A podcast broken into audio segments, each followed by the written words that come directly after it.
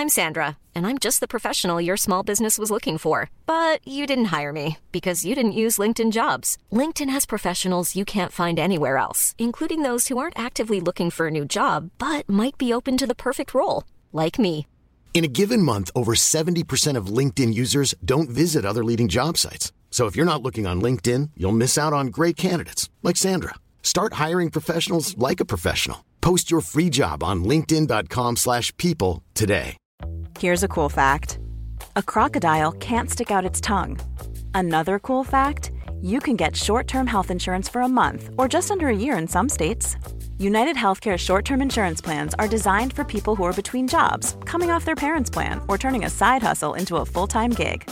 Underwritten by Golden Rule Insurance Company, they offer flexible, budget friendly coverage with access to a nationwide network of doctors and hospitals. Get more cool facts about United Healthcare short term plans at uh1.com. Quality sleep is essential. That's why the Sleep Number Smart Bed is designed for your ever evolving sleep needs. Need a bed that's firmer or softer on either side? Helps you sleep at a comfortable temperature? Sleep Number Smart Beds let you individualize your comfort so you sleep better together. JD Power ranks Sleep Number number 1 in customer satisfaction with mattresses purchased in-store. And now, save 50% on the Sleep Number limited edition Smart Bed for a limited time. For JD Power 2023 award information, visit jdpower.com/awards. Only at a Sleep Number store or sleepnumber.com. Vi är denna vecka sponsrade av Indie Beauty. Och Sofie, det här tycker jag är extra fint och extra roligt. Ja men Indie Beauty är ju ett skönhetsvarumärke som jag tror att väldigt många känner till, men det jag älskar mest det är att Indie Beauty liksom vill vara mer än bara produkter, vilket de ju också är. Exakt. Indie Beauty står ju för Independent Beauty, skönhet på dina villkor och för din egen skull.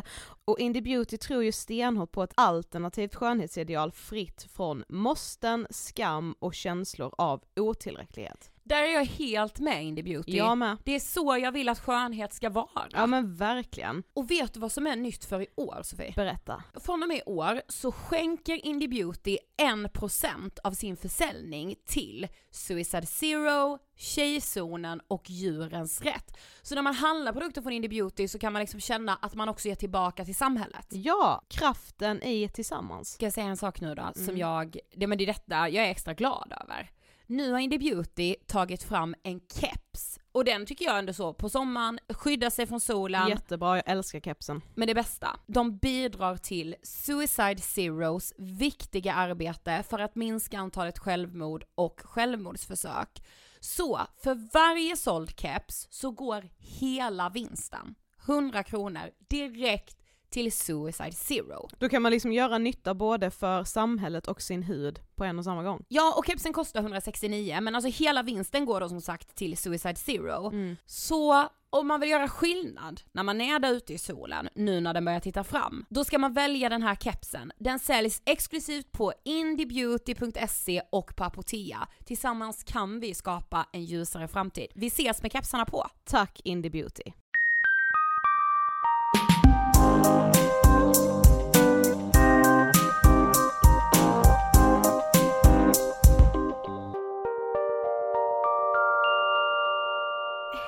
allihopa och välkomna till avsnitt 259 av Ångestpodden! Hej allesammans! Välkomna till ännu ett avsnitt av den fantastiska Ångestpodden. Yes, försökte jag säga med någon sorts melodi här. Jag Du bara, den "Ångestpodden." otroliga, den fantastiska Ångestpodden. Yes. Jag är lite hes. Mm, du sa det förra veckan Nej men alltså vad i helvete. Nej men vi måste sluta kommentera vårt fysiska mående i den här podden. det handlar ju bara om vårt psykiska Nej men mående. jag så här, varenda gång man är sjuk, fast varför blir man så att man ändå vill För att man ska bara säga, tyck synd om mig. Ja typ! Fast nej, jag hatar också min röst när jag är hes. Alltså i mitt huvud låter den fruktansvärt. Och sen ibland kan du säga så här, nej men jag hör inte ens det. Nu hör jag ju. Ja, Mm, alltså och jag tycker den är så hemsk så Ja. jag ber om ursäkt. mm. Mm. Det är, du är ursäktad. Ja. Jag hade en sak jag ville diskutera. Okej, som jag såg, nu när vi poddar detta är det ju onsdag, dagen innan vi släpper. yes. Detta såg jag igår flimra förbi i mitt flöde, du vet när man ser så här, man bara oj, man läser ju så mycket. Vissa saker fastnar ju. Ja det jag skulle fan säga, det är få saker Två som saker. fastnar. Det kommer ju det här avsnittet handla om. Yes. Men ehm, en av mina liksom favoriter, Caroline Ringskog, Ferhada Noli, Mm. eh, ena delen av En varg söker sin podd. Eh, nej men hon la ut så här från, jag vet inte om det var ett klipp eller om det var någon intervju eller vad det var, Mm. med prinsessan Sofia. Mm. Där hon hade typ fått frågan så här bara, ja men skäms du för att du var typ slitsmodell? Ja. När hon var det. Mm. Och du vet så här att hon då hade svarat typ så här bara, ja eller så här, ångrar du det? Var det nog. Ja. Och hon typ bara såhär, ah, jo men det gör jag ju. Mm. Alltså du vet, och hon hade skrivit det så här Caroline att bara, alltså det är så jävla vidrigt. Ska hon liksom behöva stå till svars för så här ja men för hur kvinnobilden alltid har varit, ska hon behöva stå till svars där då i en intervju och se så jävla dum ut att säga åh du ska skämmas din lilla slit, före detta slitsmodell och Paradise Hotel-deltagare. Man bara skäms kungen då för att han inte har rört ett jävla finger utan bara fått det här panaget eller Carl Philip, ska de skämmas? Mm. Som hon skrev och du vet så här. Alltså att ens fråga den frågan tycker jag är helt sinnessjukt, men också att Sofia då ska behöva stå där och stå till svars och se så jävla dum ut. Mm. Och så åh ja förlåt att jag föll, föll för normen och bara ville passa in. Men just det, jag ska väl bära alla de här kvinnogrejerna på mina axlar. Mm. Alltså du vet, när jag läste det jag bara, alltså jag äcklar så mycket. Men det är ju sådana, alltså det är ju, när man ser sådana saker eller får en sån fråga eller ser någon annan få en sån fråga, det är ju de frågorna som gör att man ändå blir så ängslig i det man håller på med. Mm. Alltså jag kan ju bli jätte, jag kan ju bli så här, ja men du vet om man hör någon som kanske ska lyssna eller har lyssnat på ett gammalt avsnitt av vår podd, bara nu har vi poddat i fem år snart här. Mm. Ja. Jag säger ju så mycket sjuka saker i den här Ja, podden ja. som jag absolut måste kunna stå för, Mm. men jag måste ju också ha en möjlighet att säga att jag inte tycker så längre och att jag har ändrats som person.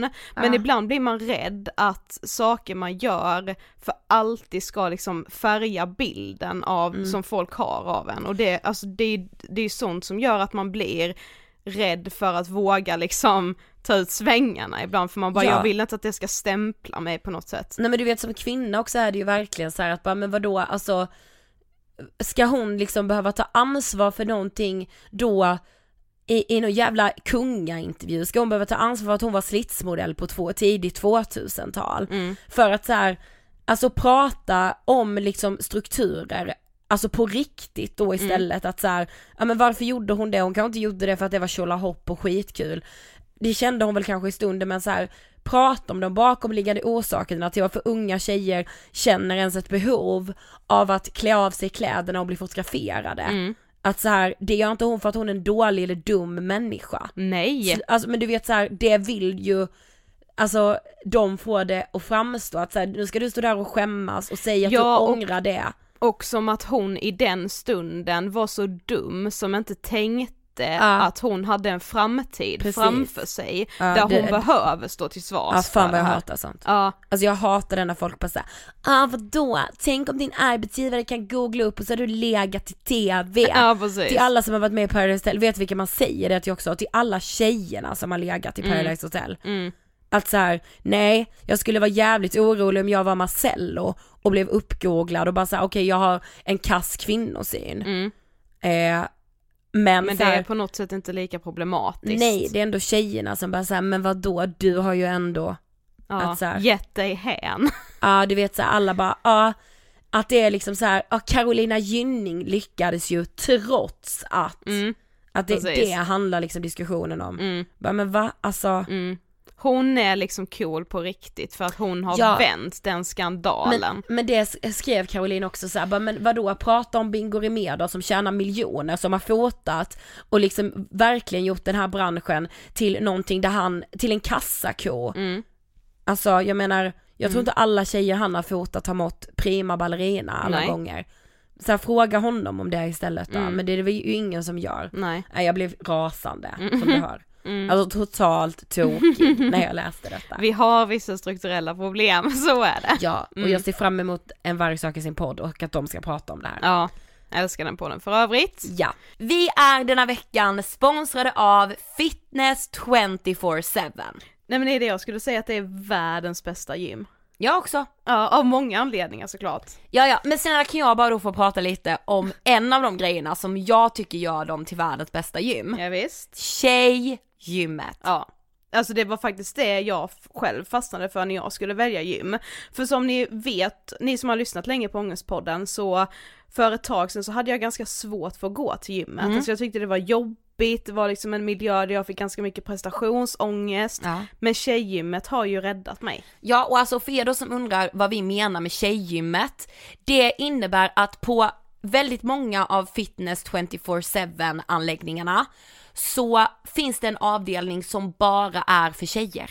Alltså först finns den vanliga som är för alla och sen finns den här, liksom min högborg som jag brukar kalla den, tjejgymmet. Ja men också en fin sak som jag tycker Fitness 24-7 gör så bra, det är att de vill skapa en miljö på gymmet där man känner att det blir liksom som ett community, du vet, alltså du går vet. inte dit bara för att träna utan du går dit för att träffa vänner, hälsa på dem som står och jobbar, alltså du vet så här, det ska Ja. kännas liksom lite hemtrevligt. Ja men det är väldigt vänlig personal. Ja det är det verkligen. Det måste jag säga. Men du vet också att oavsett vad man har för mål med sin träning så känner man sig välkommen på fitness 24-7 och det är också lite det som de har som sin grej.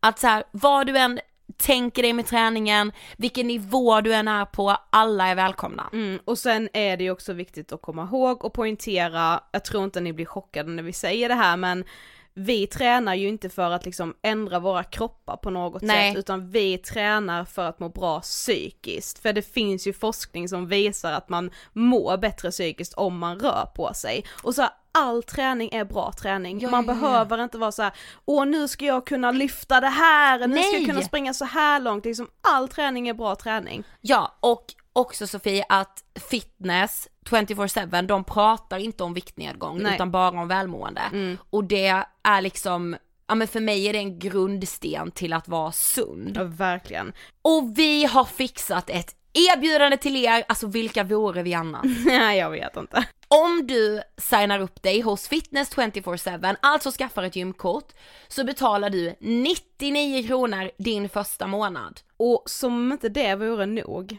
så bjuder vi dessutom er kära Ångestpodden-lyssnare på startavgiften. Ja, så alltså man betalar bara 99 kronor Ja. när man reggar sig. Det är Ja. inte klokt. Det har aldrig varit så enkelt att börja träna. Erbjudandet gäller fram till den 23 i första. Erbjudandet gäller när man tecknar löpande månadsabonnemang och sen betalar man därefter 229 kronor i månaden och alltså då ingår allt. Och fullständiga villkor och mer info hittar ni på fitness247.se Angestpodden! Tack Fitness 24-7. Idag ska vi ju prata om ett ämne som vi ju till viss del har pratat om jättemycket redan, Ja. men inte med någon som är proffs Nej. i det. Alltså Sofie, tänk att vi får en forskare här igen. Ja men I love it. Ja, jag också, alltså jag blir, jag vet inte, jag tycker bara att det är skitcoolt. Ja men jag känner så här 2020 måste bli forskarnas år. Åh,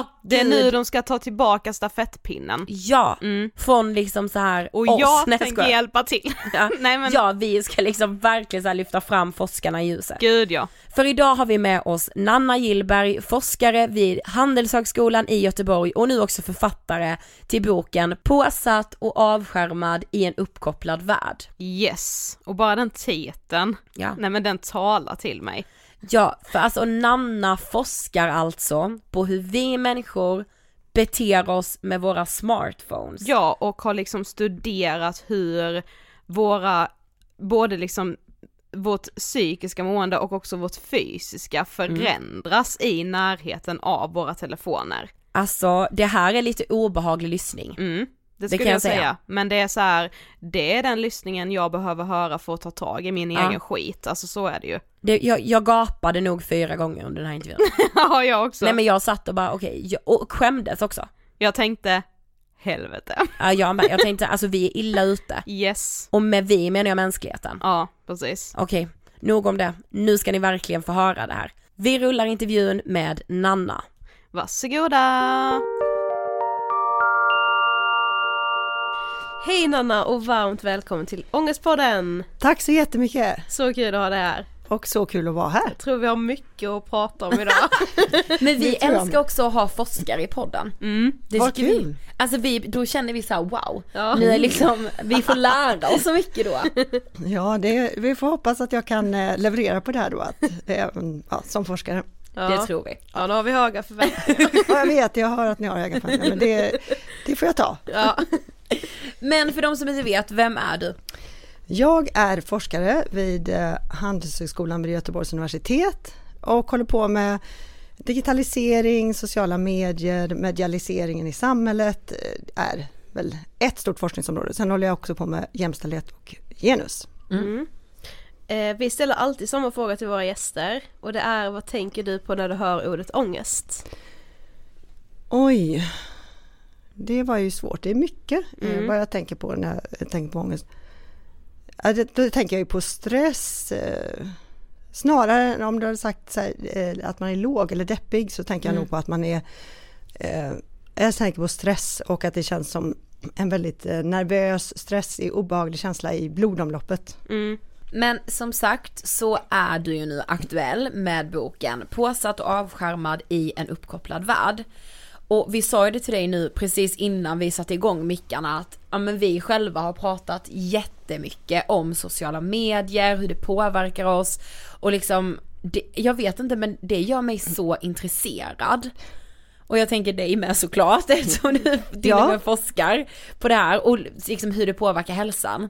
Men vi tänkte att vi liksom ville börja i en ände av att så här har det digitala livet på något sätt tagit över det analoga livet från oss människor. Ja, skulle min fråga, äh, mitt snabba svar skulle vara ja på det då. Eller åtminstone har vi förskjutit mycket av meningen i livet. Den har liksom övergått, vi har förflyttat mer och mer av meningen i livet från den här fysiska verkligheten som fortfarande är den som vi kanske tänker på som den primära verkligheten och över till den digitala verkligheten. Och det gör ju också att vi är mindre och mindre motiverade talar jag också utifrån egen erfarenhet, vi är mindre och mindre motiverade att spendera mycket tid i den fysiska verkligheten. För väldigt mycket av våran mening i livet är förlagd till den digitala verkligheten. Så vi vill vara där väldigt mycket. Sen är den också väldigt kravlös i, i relation till då alla krav som ställs i den fysiska verkligheten och när man umgås IRL. Och det gör ju att vi ännu mer är benägna att vilja vara ännu mer eh, på mobiler och med skärmar. Men vad skulle du säga egentligen hände med vårt liv när vi fick mobiltelefonerna? Ja men alltså det var ju, eh, jag tror att jag skrev i boken då att mobiltelefonerna fick oss när vi fick mobilerna, Ja. att det blev en form av eh, kärleksrelation kan man säga. Ja. Som, eh, där vi mer och mer började välja mobilen framför allt annat i livet. Och det kröp väl på, men, men det blev liksom mer och mer och mer av livet som mobilen eh, tog.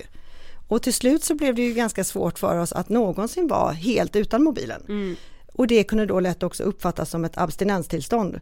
Att, att när den här fysiska verkligheten, när man umgås eh, med varandra som vi gör nu, när den måste stå helt på egna ben och inte få hjälp av skärmar, man inte får komplettera med lite mobil så här vid sidan Ja. om, så blir det väldigt, kan det kännas som att man är understimulerad, frustrerad och har abstinens.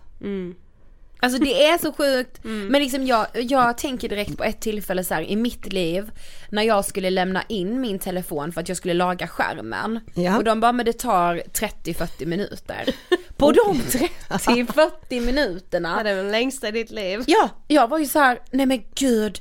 Ja, jag satt på ett café då jämte och så här, vad ska jag hålla, alltså vad ska jag ens ha mina händer? Vad kände gör jag. man? Ja, vad gör jag? Helt plötsligt fick jag 30 minuter, det var så himla lång tid. Och försöka slå ihjäl utan mobilen liksom. Ja, och det blir precis så man ser på det, att allting är en transportsträcka till nästa gång man får använda sin mobil. Precis. Eh, Jag tänkte på det igår så satt jag på tåg och sedan satt jag och laddade min mobil. Då är det hela tiden, för det första så känner jag mig här att jag är lite duktig bara, det är rätt intressant. Duktig och att man är precis så som när, när man var liten och åt något nyttigt, att åh vad jag investerar liksom i min, eh, mitt, eh, det här meningsfullheten i mitt eh, liv som inte är på mobilen. Då. Ja. Så, men jag är ju hela tiden medveten om att jag inte har mobilen och att jag nu tar mig igenom tiden utan mobilen tills jag får återförenas med mobilen. Och det, så kan det vara även Jag jämför ju också äh, mobilen med det här med att det är lite som äh, kedjerökarens relation till cigarettpaketet, att det är det första som man på något sätt trevar efter när man vaknar på morgonen. Ja. Och, och så är det ju väldigt mycket, även med de här olika eh, pratet om att åh, vi kan detoxa lite och så här. Det är ju oftast inte med någon långsiktighet. Det är inte så att man tänker att man ska avgifta sig från mobilen och sen ska man vara med den väldigt lite, utan det enda man tänker på under avgiftningen eller när man är just att man är duktig, att titta jag klarar det och sen ska jag få återgå mm. till mitt vanliga liv med mobilen. Och då kan jag på något sätt ha en trovärdighet i, i både relation till mig själv och berätta mm. för alla i omgivningen att det är inga problem för mig att ha en vit Precis. vecka. Nej, men jag kan Ja, jag liksom. kunde så jag har inget problem. Ja, så, så, vill jag göra mig av med det här beroendet, då kan jag. Precis. Pro problemet är bara att man vill ju absolut inte. Nej. Nej men också att om man då har så här, ja men digital detox som man kallar det, alltså så som man sen ska berätta om det. Ja, jag man ska ju aldrig ha en detox och inte Nej jag menar det och det ligger ju också i hela det här med sociala medier, ja. att varför göra någonting överhuvudtaget om man inte får publicera det på nätet. Precis. Exakt. Och vilket också är en del av problematiken att vi får ju all, eller väldigt mycket av vår bekräftelse från just det. Så att man tar ju bort jättemycket, alltså med mobilen är det inte bara det här ständiga tvångsmässiga kollandet om något har hänt, vilket Nej. är bara så här, men varför kollar du det fortfarande? Mm. Har du ingen idé om att din erfarenhet skulle säga det, nu talar jag till mig själv då, mm. att det faktiskt inte är värt det. Jag har varit och kollat där hur många gånger som helst. Vad är det jag tror ska ha hänt sen förra gången? För det var ju inte många minuter sedan jag kollade sist. Nej. Men det här behovet av att hela tiden belöna sig med en liten koll. Ja. Och det är ju, nu sa ni så här, det är kul att ha en forskare här. Ja. Om man jobbar just inom det jag gör så ska ju på något sätt uthållighet, det är en paradgren. Det är ja. kanske det vi ska vara allra bäst på, att bara mm. härda ut. Efter 10, 15, hur många år det nu är som man har levt så här nära sin mobil, så har ju min uthållighet gått ner drastiskt. Det kanske man inte ska erkänna så här eh, öppet, men den, den är verkligen, eh, den är på i en brant utförsbacke och jag måste jobba mycket mer för att ha koncentration och mm. bibehålla den länge. För jag vill gå hela tiden bara och trycka på, ja men ska jag inte bara ta en till rutinkoll på nätet och så den där lilla mm. automatiska rundan jag kör som bara är helt, men det, vad ger det mig? Mm. Jag vet Noll inte. Och inget, typ. Egentligen Exakt. ingenting men Nej. jag kan inte låta bli ändå. Ja. Oh, gud, alltså jag relaterar så mycket. ja. Detta funderade vi också på när vi läste din bok, är att så här, mm, vi hör, känns det som, väldigt ofta, man kan läsa rapporter, alltså man ser liksom typ så här statistik om att för mycket skärmtid är skadligt, det är till och med farligt för oss. Alltså jag menar mm. det har man ändå hört nu i Länge. fem ja. års ja. tid ja. liksom. Och att vi liksom, ja men att just kopplingen till psykisk ohälsa också. Men varför blir det att vi bara bortser från de här larmen? Men det handlar ju om precis det som vi var inne på alldeles nyss, vi vill inte göra någonting åt det för det är ett beroende och det ja. vill vi heller inte se. Alltså det är ingen som vill tillstå att man är beroende för det är liksom inte i linje med man vill ju vara en oberoende person ja, om man ska precis. vara den här härliga som har kontroll över sitt liv. Ja. Och därför är det också så enkelt att precis som jag själv gör, brukar jag ofta säga att ja, men jag är på mobilen så mycket, om någon klagar runt omkring mig på att jag är på den, så är det, ja, men det är bara för att jobbet kräver det. Trots mm. att jag ju vet mycket väl inom mig att det är ju bara en väldigt liten del av sanningen. Det är inte alls primärt jobbet som kräver det utan det är ju jag och min hjärna Precis. som kräver att få mm. kolla där hela tiden. Men, men det är lätt att säga att det är antingen jobbet eller att det är samhället som gör att vi, ja men man kan inte leva utan mobiler för då är man inte del av samhället till exempel. Ja, men det är mycket mer sällan som man hör att vi praktiskt pratar om, ja det är också ett individuellt beroende. På individnivå så är vi nu så programmerade som labbråttor i sådana här experiment att vi går och trycker på den där spaken hela tiden för att få den här snabba kicken. Och det är egentligen ingenting som är överraskande alls om man tittar på forskning för, och även då hör personer som tidigare var delaktiga i till exempel att eh, ta fram appar och så, att appar och mobiler och hela den världen är ju utformad utifrån samma princip som enarmade banditer. Ja, mm. Så att det är ju eh, egentligen inte någon, borde inte komma som en överraskning eller en chock så att vi faktiskt blir beroende för det är ju utformat för att vi ska bli det, för att vi ska bli fast. Och för att vi ska stanna länge och för att vi ska återkomma hela tiden. Mm. Det är lite som att vi lever nu, just nu i en värld där vi inte kan erkänna att vi har blivit överlistade Precis. av de här personerna som gjorde de här apparna. Ja, ja, alltså bara nej, de nej. har inte lurat mig, jag är inte beroende alls. Och vi vill ju gärna tro att, alltså, att, att, tekniken, det är vi som har kontroll över tekniken ja, och vad bra den Gud, hjälper oss och så här. Mm. Och, och då är det ganska obehagligt att tänka att tekniken kanske också kontrollerar oss väldigt mycket mer än vad vi vill ja. tro. Ja, vad vi vill liksom tillstå. Ja. Men, Så det är säkert en anledning till att vi inte, eh, att vi inte bryr oss om det där med, ja, och kanske tänker att ja men visst, men det är moralpanik. För, för det är väldigt, när man kommer med någonting som är minsta kritik, vilket jag också tycker kanske befäster den själva kritiken jag har då, eller Mm. det är just det här att, att det blir väldigt defensivt väldigt snabbt. Ja, Okej, moralpanik eller så är det att man är antagligen reaktionär, någon som vill gå tillbaka till att inte ha några datorer. Just det, precis. Att, ja, vilken bakåtsträvare eller så. Mm. Och det var säkert massa andra jätte, eh, idéer också, så, här, så man tillskrivs ju massa andra epitet Mm, för att precis. man har någonting att invända. Mm. Eh, men det tar jag väl också lite som intäkt för att det kanske ligger någonting i. Ja, precis. För så, jag är ju likadan själv när någon ifrågasätter mitt Precis. bruk av mo, mobiler och skärmar. Verkligen. Det är som att Ja. du kommer och petar i den här osunda kärleksrelationen som man inte har erkänt för sig själv. För på tal om kärlek så skrev du också i boken om ett så här, man gjorde liksom ett test på personer för att se hur de, alltså hur kroppen fysiskt rea- reagerade om de blev av med sina mobiltelefoner. Ja. Och där kunde man ju se att både hjärtfrekvensen och blodtrycket steg Ja. när de fick sina telefoner liksom Ja. beslagtagna. Och det återgår inte till vanliga nivåer förrän man återförenas med den här, det här kärleksintresset som då är mobilen ju. Ja. Och att man inte heller kan koncentrera sig och att vi, har, att vi beter oss väldigt mycket som nyförälskade när det gäller mobilen. Ja. Även när den bara finns i rummet, även om den skulle ligga här på bordet fast eh, upp och ner på, så skulle vi fortfarande bli, eller så påverkar den vår koncentration. Ja. För man undrar hela tiden, har det kommit någonting, har det hänt någonting? Och att jag borde kolla. Mm. Eh, Men, men just, eh, jag tycker att den här liknelsen med mobilen eh, och den här att det kan bli ens närmsta relation Ja. och ä- är intressant för att det är också säger någonting om vad som händer med för det är lite som en destruktiv relation. Eh, Jag tycker att det är intressant det här med, att det, visst jag pratar så jättemycket om skärmtid men då är det Precis. oftast barns skärmtid till exempel men inte lika ofta vuxnas. Nej. Men jag tycker också att det är intressant vad skärmtiden och kvantiteten gör med kvaliteten på umgänge och relationer IRL. Precis. Alltså vad, hur påverkar den, inte bara det att vi är väldigt mycket på mobilerna, utan också på vilket sätt utarmar det vårt umgänge som vi har eh, som inte är på mobilerna. Ja. Och då tycker jag att då blir mobilen lite som den där destruktiva relationen att att man kanske är, vet med sig att det här är en dålig relation, jag är lite halvt nedbruten, men om jag gör slut så har jag ingenting att gå tillbaka till, för Nej. jag själv är ingen, ingen längre, för jag är nedbruten. Ja, exakt. Så att det finns, på något sätt är, blir då verkligheten som det där nedbrutna jaget, alltså den fysiska verkligheten blir som att det finns ju inte så mycket mening kvar där för mig, för jag har förlagt, jag har investerat allting i det livet som jag har på- digitalt. Precis. Och alltså är det inte så attraktivt att gå tillbaka till, göra slut med det och gå tillbaka till Nej. något så tomt som det som är mitt eh, Mm. liv i den fysiska verkligheten. Jag kan ju mer känna att så här, mobilen har ju blivit min trygghet på något sätt. Alltså den imagen jag jätteenkelt kan bygga upp på sociala medier till exempel är ju min trygghet och den bilden jag vill förmedla av mig själv. Men jag litar inte på min egen förmåga att kunna förmedla den i verkligheten. Därför gör ju det också Ja. att jag, så här, jag har jättesvårt för att binda nya fysiska äkta relationer för att jag så här,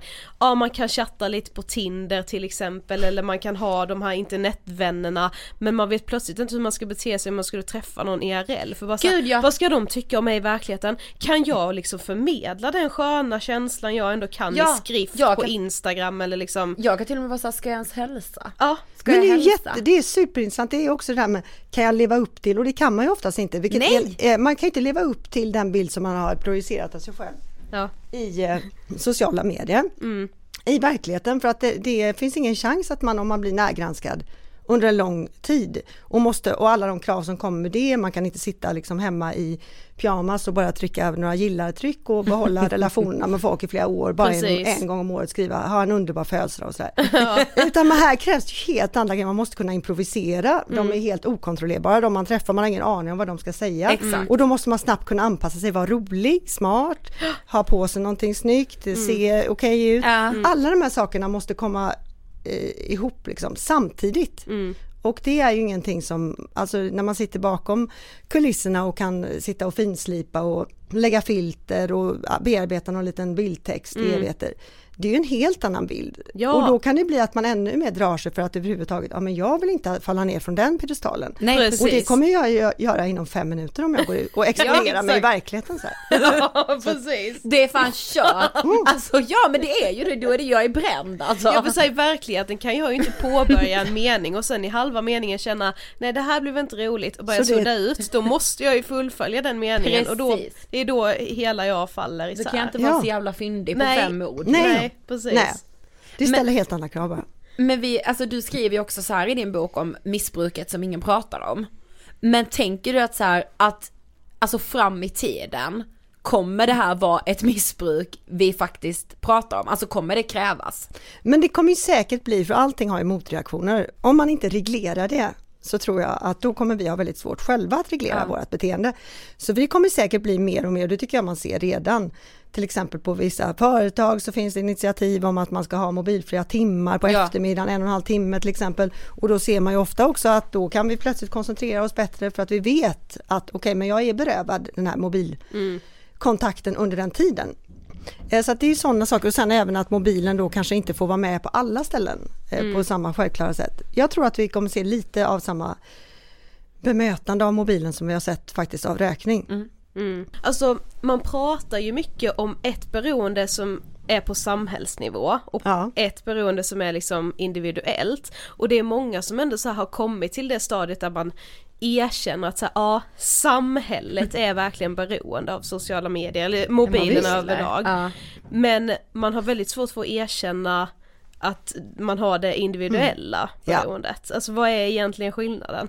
Nej men skillnaden är ju att det är, kommer ju mycket närmare en själv och att det blir så här obehagligt att man då måste vara en av de som är, ställer sig upp och är, eh, jag heter Nanna, jag är mobilberoende till exempel. Ja. Att, att det blir jobbigare än att säga att det här är ett beroende som jag själv inte styr över. Jag är inte beroende, men däremot för att jag ska kunna göra mitt jobb eller vara en del av samhället så måste jag eh, ha den här typen av eh, relation till min mobil. Men det är inte för att jag själv är på något sätt inte, eller har tappat kontrollen. Ingen av oss vill ju tillstå att vi har tappat kontrollen Nej. eller att vi är beroende och att vi själva inte är, är förmögna att hantera en situation. Och då är det ju mycket lättare att förlägga det till, ja men det är samhället eller det är jobbet eller sådär.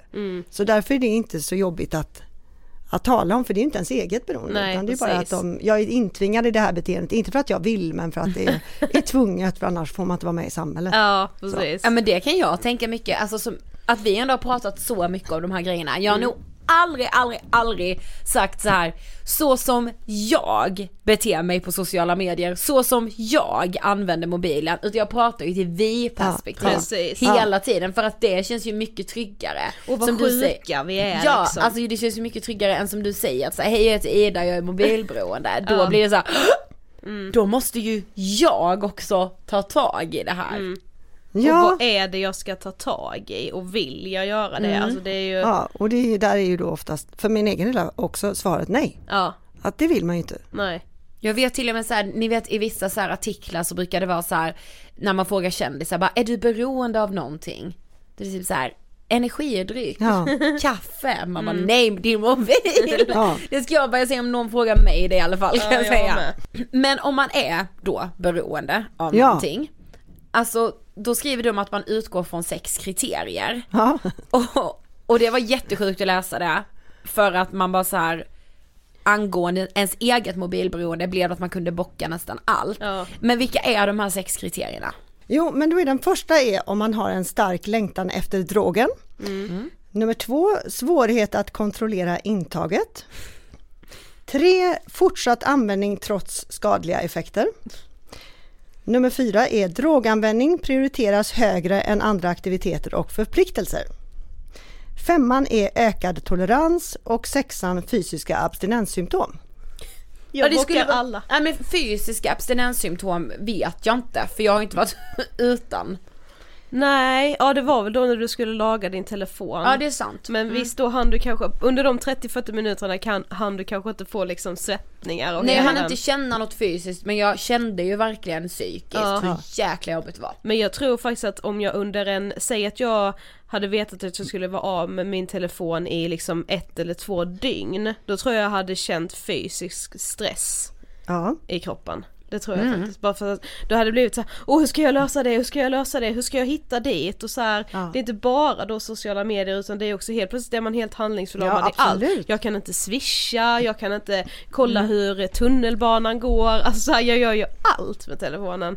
Nej, men jag håller helt med, för man är ju helt eh, körd utifrån alla olika perspektiv om man Ja. inte har med sig, även när jag skulle hit så hade jag sagt hej då till min kompis och sen så tänkte jag, eh, tänk om jag glömde kvar min väska, alltså jag bara hade någon känsla av att tänk om jag glömde väskan på den här lunchstället, då kommer jag inte kunna, jag kommer inte kunna förmedla någonting varken till er, jag kommer antagligen inte kunna ta mig in här, jag kommer inte kunna eh, man kan inte göra någonting utan sin mobil. Nej. Så där kommer det där, eh, visst det finns ju ett samhällsberoende med för att eh, det är inte bara det individuella beroendet som gör att om man glömmer mobilen hemma någon dag på, när man ska till jobbet till exempel så är det ju som en katastrof.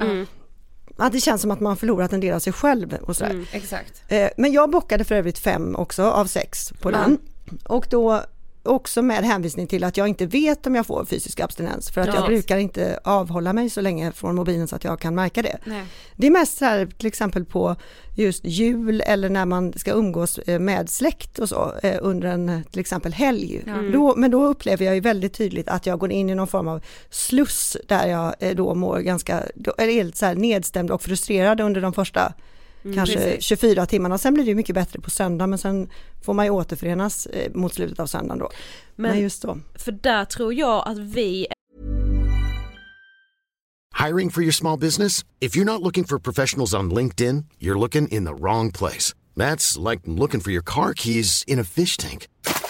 LinkedIn helps you hire professionals you can't find anywhere else, even those who aren't actively searching for a new job but might be open to the perfect role. In a given month, over 70% of LinkedIn users don't even visit other leading job sites. So start looking in the right place. With LinkedIn, you can hire professionals like a professional. Post your free job on linkedin.com/people slash people today. Quality sleep is essential. That's why the Sleep Number Smart Bed is designed for your ever evolving sleep needs. Need a bed that's firmer or softer on either side? Helps you sleep at a comfortable temperature? Sleep Number Smart Beds let you individualize your comfort so you sleep better together. JD Power ranks Sleep Number number 1 in customer satisfaction with mattresses purchased in-store. And now, save 50% on the Sleep Number limited edition Smart Bed for a limited time. For JD Power 2023 award information, visit jdpower.com/awards. Only at a Sleep Number store or sleepnumber.com.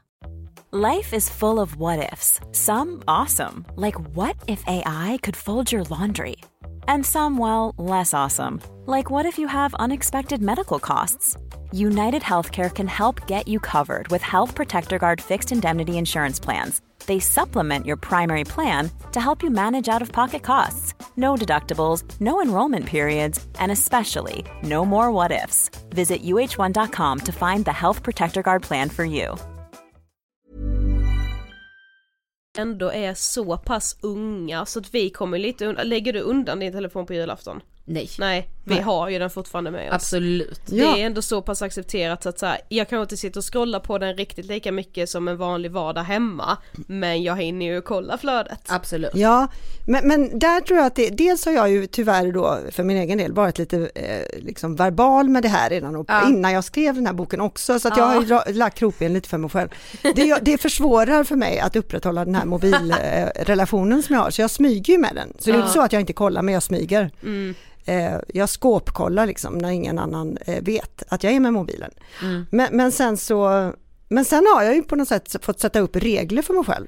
För det krävs det, att jag, ja, men om jag till exempel ska träffa några ute och vi ska äta middag eller något så här, då får inte jag sitta med, jag kan inte hålla på med det inför de andra för då har jag ingen trovärdighet. Men det är också för att jag har lagt upp den här dåliga eh, grejen med att jag först har sagt att det här är någonting som jag tycker och så.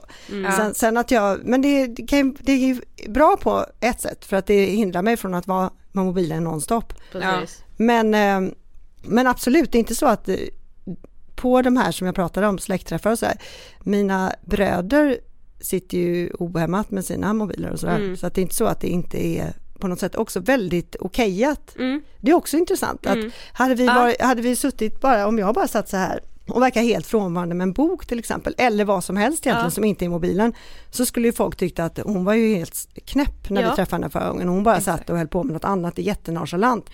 Men just mobilen har vi någon förväntan att man kan vara både på mobilen och i ett uh, umgänge samtidigt. Exakt. Precis. Att det är inget konstigt så. Och det säger sig självt att man inte kan det egentligen. Nej Men- man kan ju inte det om man ska vara mentalt vara där Nej, utan då är man ju fysiskt där men man är ju inte närvarande på något annat sätt. Nej, men vid de flesta beroenden så, alltså det man blir beroende av är ju ofta liksom ett rus som Ja. man hela tiden söker och det är det, man, det som gör att man liksom fortsätter. Mm. Men vid mobilberoende så får man inte riktigt det här samma fysiska ruset. Nej. Så vad är det då vi blir beroende av? Ja men det är ju det här, den här snabba kicken av, alltså när jag sa förut att det är uppbyggt en, enligt samma princip som enarmade banditer och sådär. Då är ju det att bara den här till exempel hur det utformas när man, den här korta sekunden då man väntar till exempel på att få se om, när man kör eh, uppdatera. Och så väntar man och då är det hela den här tiden den här eh, förväntan om att det skulle kunna just den här gången stå någonting fantastiskt eller jätteroligt eller ha en explosion av gillartryck eller vad som helst. Äm, Alltså det kan ju låta som ingenting men den bekräftelsen som det ger det är kicken. Och sen är det ju även kicken att bara Nej men att gå och, och kolla Egentligen är det det där med att hjärnan, för det här ska ju tilltala de här ganska eh, primitiva delarna av vår hjärna. Ja. Det här belöningssystemet som, där hjärnan då är väldigt bekväm av sig och vill gärna ha en snabb, även om det är då en tom belöning, utan att man behöver göra någonting i gengäld. Det är ju gärna jätteintresserad av här behöver man inte göra något mer än att just trycka på en knapp. Nej. Och sedan så kommer det någonting som är ganska meningslöst men det, men det är precis som den här enarmade att varje gång så finns möjligheten Ja. att det skulle kunna just den här gången vara någonting fantastiskt Ja, eller jätte så här. Eh, Sen att det inte behöver hända någon gång under hela ens liv men det är ändå varje gång finns möjligheten när man trycker på uppdatera till exempel. Ja. Men jag tycker ändå det är så konstigt för att jag menar det borde ju vara så att jag har ju flera gånger gått in på, ja men Instagram säger vi och inte blivit överraskad. Då borde väl det vara den bilden jag har av Instagram att ja men det är ju en jävla skitapp som jag har för höga förväntningar på och som nästan aldrig levererar någonting. Men ändå är ju min, re, alltså ändå är min relation till Instagram positiv. Ja, men det är väldigt paradoxalt och lite konstigt så. Ja. För går man till sin egen erfarenhet så kan man ju bara konstatera att det är inte värt det. Nej. Om, det är inte värt att jag går dit som har, hur många gånger har jag fått en sån där känsla av att wow, det händer ju i princip aldrig. Nej. Nej men jag tänker att så är det väl för någon som spelar också. Det är ju sällan den personen vinner skitmycket pengar. Nej. Är man beroende av Nej. spel så är det ju inte för att så här, ja den är beroende av spelen men den är också miljardär. Nej, Nej. nej den är Nej. förmodligen i en ekonomisk knipa. Precis. Ja. Men alltså känslan av att vinna någon gång, kanske känslan av att Ja. någon gång ha fått det här ruset för att någon speciell har gillat eller det Ja har det hänt. finns något, en liksom. chans Ja. till ruset. Precis. Ja. Ja, det är den här chansen som då finns varje gång, Precis. men som nästan aldrig infrias. Ja. Ja. Men, men du var inne på det lite innan just med koncentrationsförmågan. Ja. Alltså vad är det egentligen som händer? Varför blir det spannet liksom, eller varför har vi svårare för att koncentrera oss när vi använder mobilerna så mycket? Men det är ju för att våran hjärna, eh, nummer ett, då blir väldigt inställd på att få göra många saker samtidigt och när vi inte får det så blir vi jättefrustrerade, känner oss eh, som att det är, vi är understimulerade och ja, vi gillar inte den känslan av att inte, ja, det är som en understimulans att inte få göra många saker samtidigt. Men det gör ju också att vi lägger in Alltså det är ganska låg engagemang i alla saker för man kan inte göra och låga krav sådär. Det blir jättestor efterfrågan på låga krav. För om man gör fem saker samtidigt säger det sig självt att man inte kan göra dem på samma nivå som om man bara gör en då. Exakt. Så det är ju en sak att vi gör många saker samtidigt. Men sen så har vi en väldigt så fragmentarisk tillvaro. Ofta till exempel ja, i jobbet så kanske vi sitter i aktivitetsbaserade kontor där vi hela tiden är utsatta för andras ljud och eh, vi är själva exponerade hela tiden och eh, massa avbrott som kommer hela tiden. Och sen så tillsammans med det så har vi då de här avbrotten med ständiga aviseringar via datorn eller skärmarna eller mobilen där det också stör vår koncentration. Så så fort vi har nått någon form av djupare koncentration så eh, ja, störs ju den. Alltså vi får ett avbrott i den och sen så tar det enligt då forskningen 25, upp till 25 minuter att återfå koncentrationen, vilket innebär att vi nästan aldrig befinner oss i ett tillstånd av djupkoncentration. Alltså det Shit, är alltså. så sjukt. Ja. det är lite så här. Och det som gör då att vi inte heller kan, eh, att vi får kortare uppmärksamhetsspann och att vi har lägre uthållighet och svårare att koncentrera oss. Det är ju för att hjärnan är en plastisk eh, figur, ungefär som vilken muskel som helst. Så det som hjärnan tränas på, det blir den ju väldigt bra på. Där får, där får den också sina styrkor och vi tränas dagligen i samma saker hela tiden när vi är i digitala miljöer. Och även när vi sitter i sådana här överstimulerande aktivitetsbaserade kontorsmiljöer till exempel. Då blir vi väldigt bra på att göra ständiga fokusbyten, att ha högt tempo, att göra många saker samtidigt. Det är det som vi tränas på hela tiden.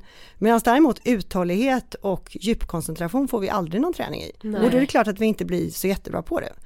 Så att det, som sagt, min, min förmåga på de områdena var ju ganska bra. Det var ju en av anledningarna till att jag kanske gick in i forskningen. Var ju att jag tyckte, ja men uthållighet det har jag. Men det har jag inte längre. Och, och, det tror jag ju är, eller jag är helt övertygad om att det har att göra med vad min hjärna har exponerats för de senaste, vilka miljöer mm. har jag varit i, har hjärnan varit i och vilka, vad är det som har premierats där, vad, vad belönas där, vad tränas man i? Exakt.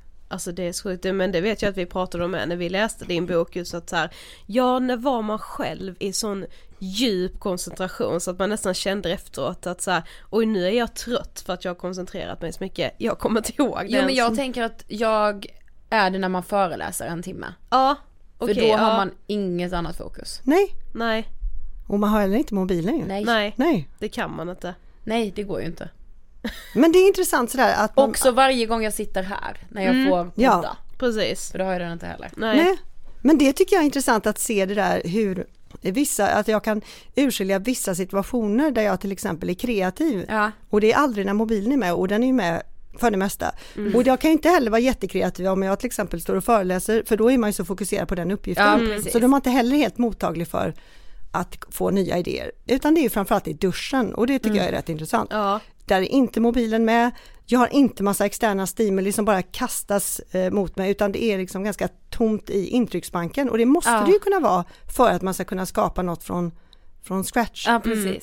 Men, men vi är ju nästan alltid exponerade för massa externa stimuli och så fort vi inte är det så ser vi till att vara det genom att plocka upp mobilen. Den åker ju fram om man har tre extra sekunder och står och väntar någonstans, ja men då åker den upp med ja. en gång. Så man ser till att fylla varenda dödtid. Så då låter jag väldigt mycket som en sån där som man, de där vuxna som man tyckte var jättetråkiga eh, när man själv var barn. Att, ja, men när man får klaga på att det var så att man hade tråkigt och så, så sa de ja men det är viktigt ungefär att kunna ja, ha ja. tråkigt. Så är jag exakt likadan själv nu. Mm. Att Visst, det, jag vill inte heller ha tråkigt, men det finns en poäng med att inte alltid vara överbelamrad av externa intryck och stimuli för då får hjärnan aldrig någon chans att bygga någonting eget sådär, eller Nej. vara kreativ för man Exakt. kan ju inte få idéer för att de, det är redan fullt. Och jag märker ju själv också hur trött jag blir av de här timmarna då när jag, ja men typ en timme när vi föreläser. Jag blir så extremt trött för min hjärna är ju inte tränad till att vara Precis. så fokuserad Nej. och liksom koncentrerad på någonting. Jag Exakt. säger varje gång, åh jag blir så trött liksom. Ja. Men ja. nu fattar jag ju varför. Alltså man blir helt slut. Ja. Liksom. Mm. ja det är så men, men det, alltså det här med att vi har så låga, eller eh, att vi har väldigt eh, korta eh, uppmärksamhetsspann.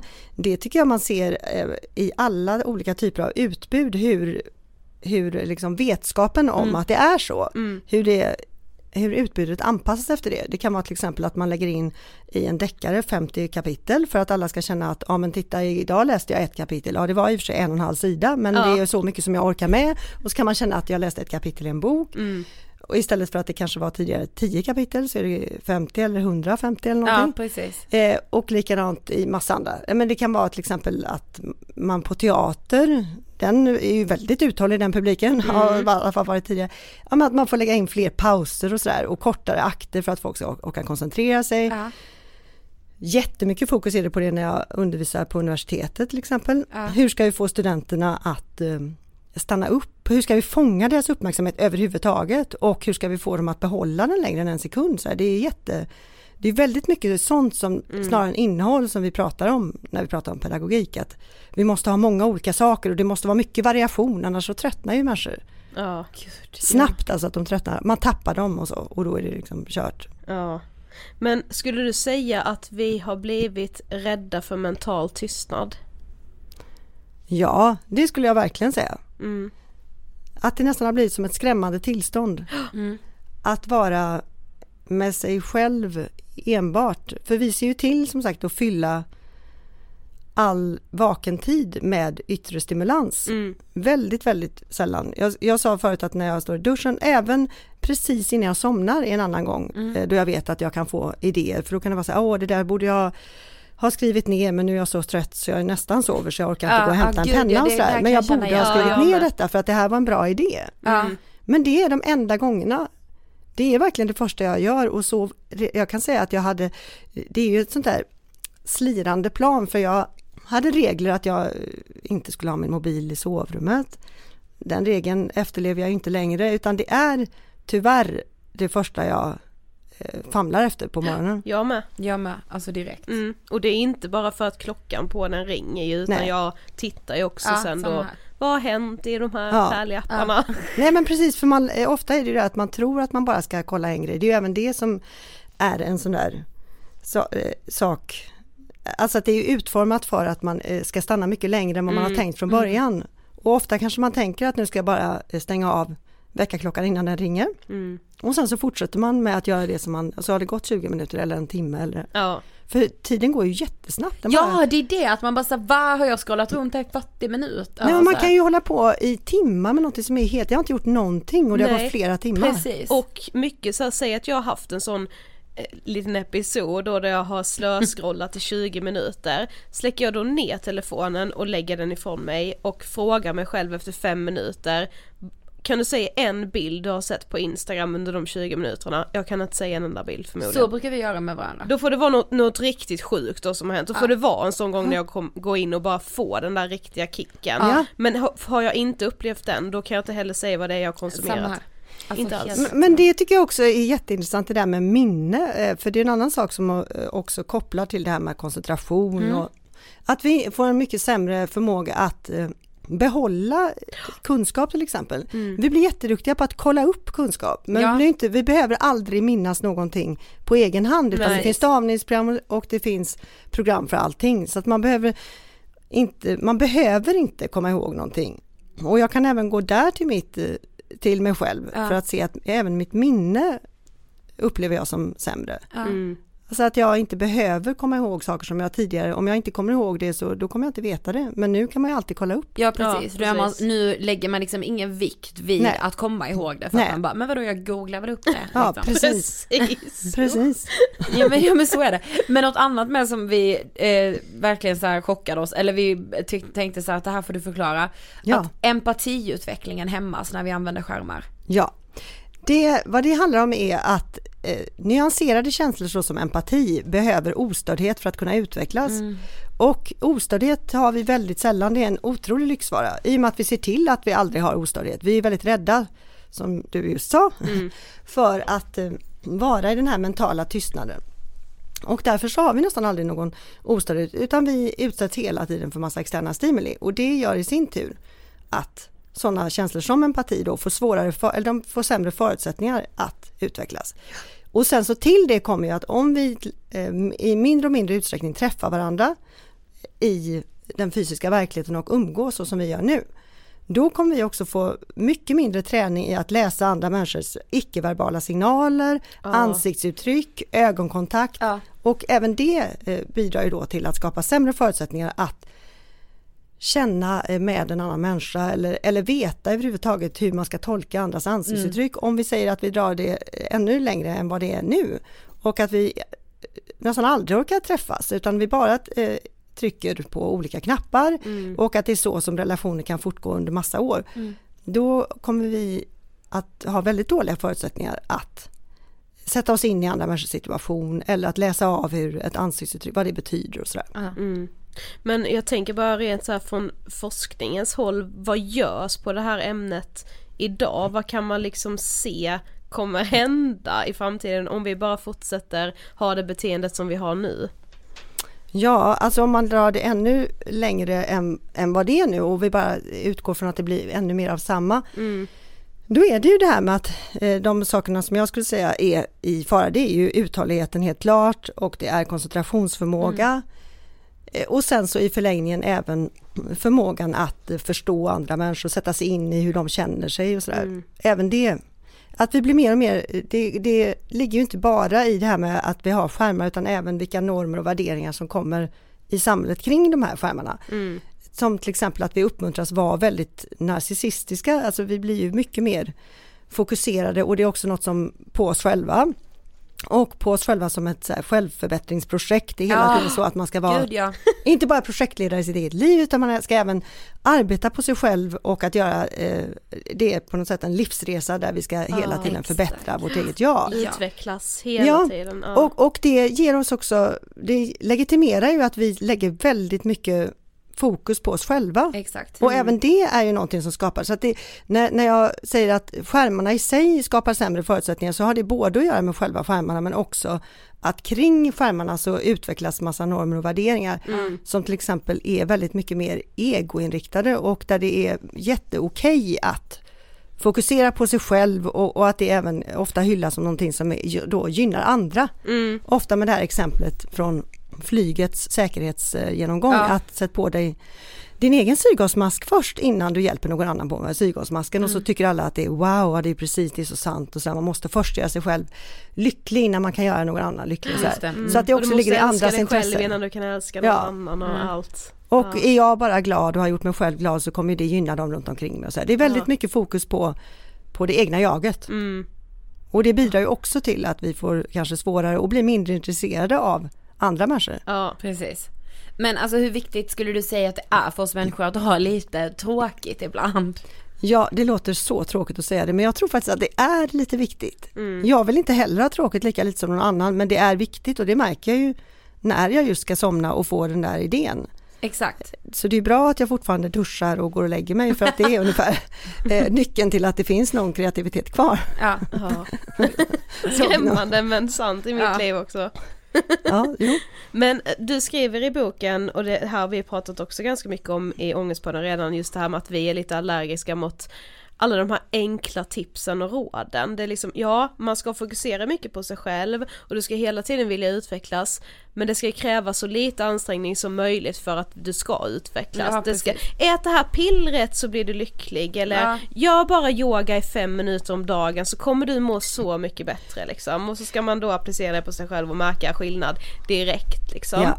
Ehm, men trots detta så vill vi ändå fråga dig vad, vad du har gjort för att ändå på något sätt kanske försöka hantera ditt mobilberoende. Jag gillar verkligen att det ändå var med massa sådär eh, omvägar som ni kom fram till det och mycket brasklappar och så här. För jag, har, jag kan ju inte säga att jag är en, en fantastisk förebild. Det är inte så att jag har löst det här för egen del. Nej, fast Utan- det är det, det som gör det så äkta tycker Ja, det jag. tycker jag Ja men så att jag kommer ju, det är ju det första jag gör när vi går härifrån. Ja, eh, är ju förmodligen att kolla min mobil. Ja. Mm. Och sen kommer jag antagligen sitta och kolla under hela tågresan tillbaka till Göteborg. Mm. Det här var ju inte det svar som jag, det kan vi ju också klippa bort om det är så. Men, fast nej. jag vill, nej för jag vill Nej. ha det för det är det som är det sanna liksom. Ja, så det är det sanna. Sen ska jag också komma såklart, för det ska man ju också ha något sådär inspirerande och snabbt, ett quick fix. Det enda quick fix, jag har inte något quick fix egentligen alls, utan det är väl mer, eh, det, det snabba man kan göra är att sätta upp lite några gränser så att det finns någon gräns för en själv. Ja. Det tycker jag ändå har funkat någorlunda för mig. Eh, att, och sen så ska man göra som jag, att man säger att det här är inte klokt och sen så eh, vet man att ah, om, om man har sagt det så kommer man ha väldigt svårt att sitta med sin mobil hela tiden för då kommer alla påminna en om att du sa att det inte var riktigt klokt. Ja, precis. Så det är någonting man kan göra.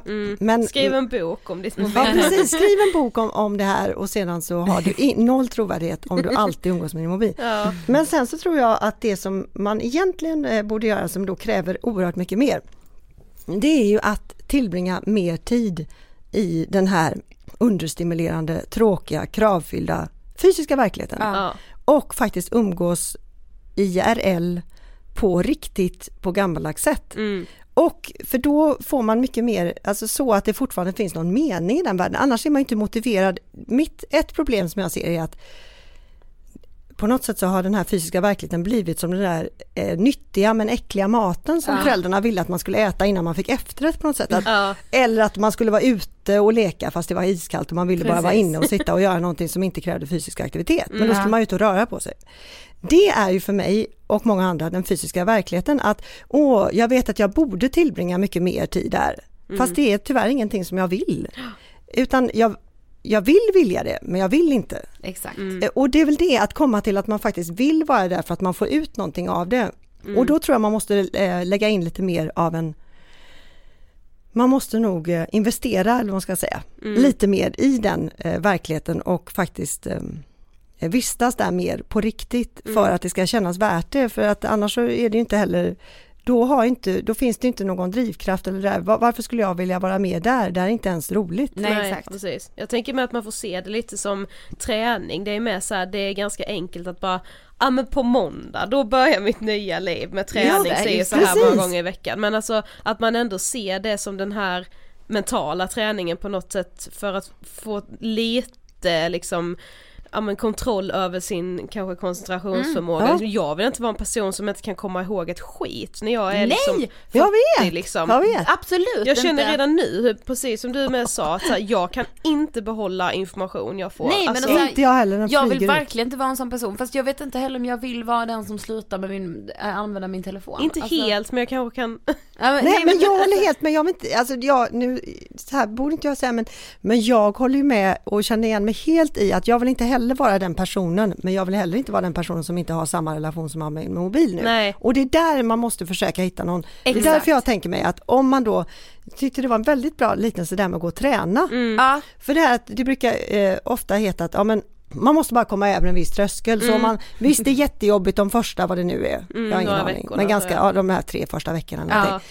Men, men sen börjar man känna att man får ut någonting av det. Mm. det jag tror det är precis samma här, att visst det kommer kanske inte, det kommer kännas som att det inte alls är speciellt kul och då kan man ju tänka, ja men då får jag i alla fall content i bilden av mig själv på, på i sociala medier. kan man ju då motivera sig själv med. Mm. Ja. Att det blir jättebra att man kan samla lite material så man har något att referera till och det Ja, verkar som att man har ett exakt. roligt liv. Mm. Om det är det enda som motiverar en så kan man ju ha det som drivkraft. Ja. Och sen så kan man hoppas att genom att jag inte är så aktiv med min mobil när vi umgås så finns det faktiskt möjlighet att jag får ut någonting mer än Ja. bara att skapa material till Exakt. bilden av mig själv på nätet. Ja, ja. precis. För det är alltså- tråkigt när det är enda drivkraften som är kvar för att vara med andra i, i den fysiska Ja det är verkligheten. väldigt tråkigt. Det, ja, det känns eh, så sorgligt liksom. Ja verkligen. Men det här samtalet har varit så intressant. Ja, det tycker ju såklart jag, för jag tycker att det är väldigt roligt och intressant att prata om. Ja. Vi har kommit till sista frågan. Ja, Vad inspirerar dig? Alltså i livet liksom. Åh vilken bra fråga och svår. Mm. Vad inspirerar mig? I den här analoga verkligheten. Nej det kan vara digitalt också. ja. Åh, ja ni ser själva när man får en fråga som är, ja men vad inspirerar mig? Jag inspireras av, ja men säkert mycket av det där som jag pratar om nu att man inte eh, ska vara inspirerad av. Jag inspireras av saker både i den analoga och digitala verkligheten.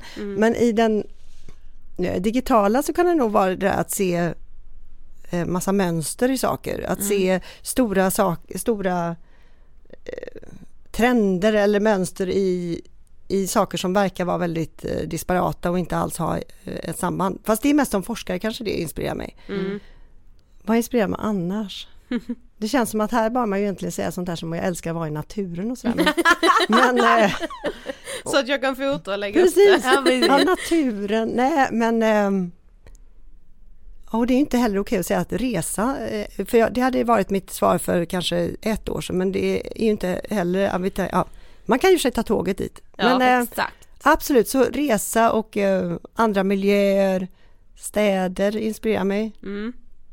Eh, och människor, Mm. samtal med andra människor. Ja.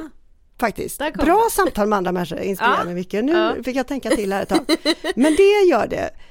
Det är utmattande tycker jag numera att umgås med andra människor under en längre tid. Ja. Till exempel så åkte jag på en helg med mina, eh, ett gammalt eh, gäng med vänner.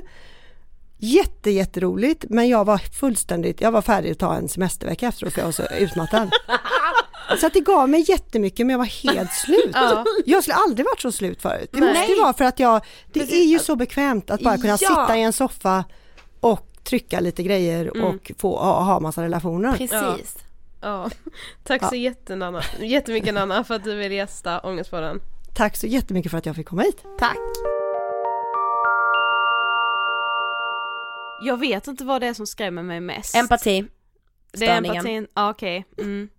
För mig är det nog det här med att inte kunna lagra någon fakta. Ja okej alltså jo. För alltså där, du vet när Nanna sa det, jag satt bara där och tänkte shit shit shit, alltså jag är redan där. Jag med. Jag har tänkt det jättelänge, Ja. att så här, varför minns, alltså du vet så här, det kan jag ju märka om någon frågar mig någonting om podden, alltså Ja. men ni har väl poddat om det ämnet? D- när jag vet att vi har haft med oss en gäst, och ja det minns jag ju att vi Ja. har gjort och att vi har haft ett bra samtal och jag kan ju återberätta Alltså typ såhär metaforer eller liksom Aha, anekdot, men inte fakta. Ren och skär fakta, alltså det är så svårt och Ja. det, det sätter sig inte Då in måste det vara så enkla, enkla eh, sägningar. Alltså då, då är vi nere på en bebisnivå om jag Nej, ska ja, minnas. nej men vi är nere på att så här, det jag, alltså så, som man lär sig i typ så här mellanstadie, högstadie, alltså Ja men det behöver vara något punchline-igt. Ja men typ, eller Ja, hur? För vi lever ju i caption-tiderna, Precis. så att det kan jag lägga på minnet liksom. Mm, precis. Vad det jag märker själv, jag har blivit ganska slö när det kommer till instagram, att så här,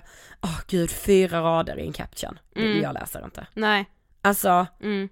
Det ska gå så jävla snabbt nu, Ja. det är helt sjukt. Alltså det var med så här, jag låg av en, en slump igår och läste så gamla konversationer på Messenger, Ja. du vet så här. och då när man typ kollar Nostalgiken. ja precis. eh, och då så typ så hade jag printat bilder från både så här Tinder och Instagram, alltså bara hur apparna såg ut innan. ja. Och jag bara kände så här bara, alltså färgerna har ju gjort att jag har blivit mer besatt nu än vad jag Ah, var. Alltså okej, tänk hur ja. Instagram såg ut från början, det var det här bara det här ganska dova blåa nere och just sen var det ju det. brunt, alltså Ja. appen var ju brun som en gammal kamera, vilket eh, makes sense verkligen. Och nu är det bara så här jättefärgglatt för att man ska bli ja. ännu mer liksom, precis. det, vi är nere på en så barnslig nivå på något sätt. Mm. Ja, ja, jag blir livrädd. Och sen också det här med att man inte kan läsa av kroppsspråk. Och att, ehm, att det liksom blir, på ett sätt var det ju skönt när Nanna sa det här med att, du vet när jag, när jag pratar om att man är så rädd för hur man liksom har målat upp sig själv i sociala medier. Alltså precis. så här, vad, vad utger jag mig för att vara Ja. och så här, hur snabbtänkt verkar jag om jag typ skriver med någon. Precis, att hon bara så här, du kan aldrig leva upp till det. Nej, men det gör ingen Nej, men heller. exakt, och det det, var på något sätt skönt för, ja, it takes two to tango. Nej, men, Men, min, men min bästa var att Nanna var så jävla ärlig själv. Och Ja. det, alltså det måste jag säga, i boken, Påsatt och avskärmad, eh, ni måste läsa den. Mm. Alltså där är hon så brutales ärlig också. Och att hon är så här. Ja men hon är forskare själv och kan ändå säga, jag kan inte koncentrera mig. nej men det, det tror jag är viktigt med, om du själv är forskare och lyssnar på det här, nej men du vet att man måste jag tror att man har en bild av att en forskare är fortfarande en person som är lite smartare än alla andra och sitter i en vit rock dagarna Ja. i ända, men att så här, de kan bli lika påverkade, Som precis vi. som Mm. Nanna här säger liksom, Ja. att hon själv är beroende. Men min koncentration är obehaglig också. Ja, Fan vad dålig den är. Är så jävla dålig Sofie. ja. Nej men jag tänkte faktiskt här när jag satt och, när vi satt och gjorde intervjun, Ja. så tänkte jag att nej, alltså jag måste ta tag i det här på Ja. riktigt nu. Jag har ju nämnt det tidigare, jag hade ju den här appen Moments Mm. som alltså kunde räkna då hur mycket skärmtid jag hade och hur många gånger jag startade min skärm Mm. varje dag liksom. Jag var ju uppe på stadiga sju timmar om dagen. Eh, jag fick skitmycket ångest av den appen så jag raderade den. Nu finns det ju, om man har iPhone så Mm. Exakt. finns ju redan skärmtiden där så man behöver ingen app ens. Nej. Så jag tänker faktiskt att nej men nu ska jag utmana mig själv. Jag vet Mm. inte riktigt på vilken nivå jag ska lägga mig. Men jag ska försöka att den här veckan nu som kommer, två timmar. Ja, jag med då. För så här, jag kan inte säga nej jag ska vara nere på 30 minuter om dagen, alltså för då, du vet då blir det här svart eller vitt, det ska Ja, vara så vet. himla mycket, det blir för svårt. Två timmar. Jag tror att jag nu har genomsnitt på ungefär fyra timmar. Så jag Ja, ska inte halvera det. jag har. Det, Alltså. det ska gå fast jag har så mycket slötid när jag bara sitter och bara oj, där gick visst 20 minuter av slötid och scrollande och jag Exakt. har ingen aning om vad det är jag har Nej, jag konsumerat. Okej med två timmar, alltså vi kommer dela detta på vår Instagram så följ den, Angestpodden. Yes, jag tänker att ja det får vara vår uppgift denna veckan och dela vår skärmtid. Alltså en från dig och en från mig varje dag. Ja. Så Och- bevisar vi att vi klarar det här. Och Nanna, tusen tack för att du kom och gästade Ångestpodden, du måste komma tillbaka till oss. Yes, du är varmt välkommen. Jag vill också flika in Sofie bara, Ja. gå med i vår Facebookgrupp Ångestpodden Vi pratar vidare. och gå in där och älska oss. Och svara på kontrollfrågorna när du ansöker. Ja och sen är det bara att skapa inlägg och kör. Yes. Köp också biljett till Ångestpodden en kväll på Skala. 21 mars firar vi fem år, äh, ja det gör vi inte, för det gör vi ju långt innan, men det 21 mars är kvällen vi kommer fira stort att vi har haft podden i fem år. All information finns på skalateatern.se eller Eventim. Ja och det är bara att söka på Ångestpodden. Yes, Men alltså hoppas ni gillade veckans avsnitt, jag gjorde det. jag med, jag älskar det. Det lärde mig mycket. Ja och vet du det kändes typ så modernt på något vis. Nej men så här, jag gillar ju självrannsakan Ja. och det här tillät ju mig att verkligen självrannsaka mina egna Ja. beteenden. Mig med. Ja, jag ska bli bättre. Vi hörs nästa vecka. Ha det bäst, Puss hejdå! och kram!